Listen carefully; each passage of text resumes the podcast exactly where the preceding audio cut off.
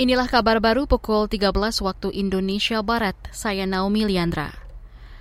Pengadilan Negeri Makassar, Sulawesi Selatan hari ini mulai menggelar sidang pelanggaran HAM kasus paniai berdarah yang terjadi enam tahun lalu. Keluarga korban dan para saksi di lapangan mengatakan tidak mengenal Purnawirawan TNI Isak I yang menjadi tersangka tunggal dalam peristiwa yang menewaskan lima orang dan puluhan luka-luka tersebut. Perwakilan keluarga korban, Yones Dow, merasa kecewa karena terdakwa hanya satu orang.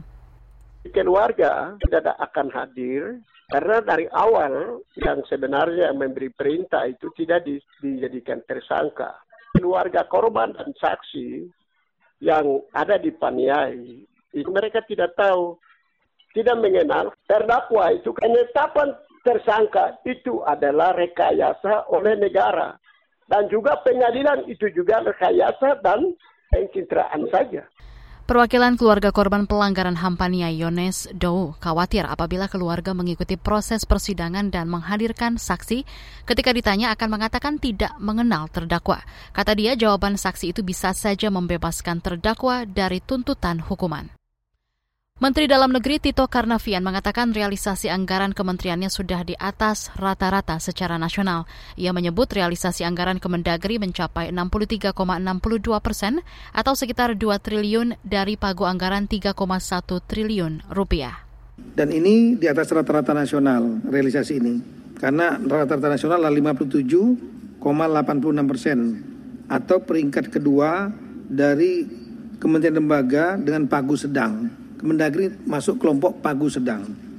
Ini sumbernya adalah dari Omspan Kementerian Keuangan per tanggal 19 September 2022. Mendagri Tito saat rapat kerja di Komisi Bidang Dalam Negeri DPR pagi tadi mengatakan realisasi anggaran itu relatif cukup baik dan mencapai target. Kata dia realisasi terbesar berasal dari kelompok belanja pegawai dan barang. Kita ke berita luar negeri. Bekas Perdana Menteri Malaysia Najib Razak menjalani perawatan di Rumah Sakit Rehabilitasi Ceras. Terpidana kasus korupsi itu sebelumnya mengeluhkan kondisi kesehatan yang tidak baik saat dalam penjara. Departemen Penjara Malaysia mengatakan Najib mengalami perawatan dan pemantauan kesehatan sejak Senin. Dia dirawat setelah mendapat rujukan dari ahli medis di Rumah Sakit Kuala Lumpur. Najib saat ini sedang menjalani masa tahanan 12 tahun penjara terkait vonis penyalahgunaan dana investasi negara 1MDB sebesar 183 miliar. Bekas Perdana Menteri Malaysia itu juga difonis denda sebesar hampir 700 miliar rupiah. Demikian kabar baru KBR, saya Naomi Liandra undur diri.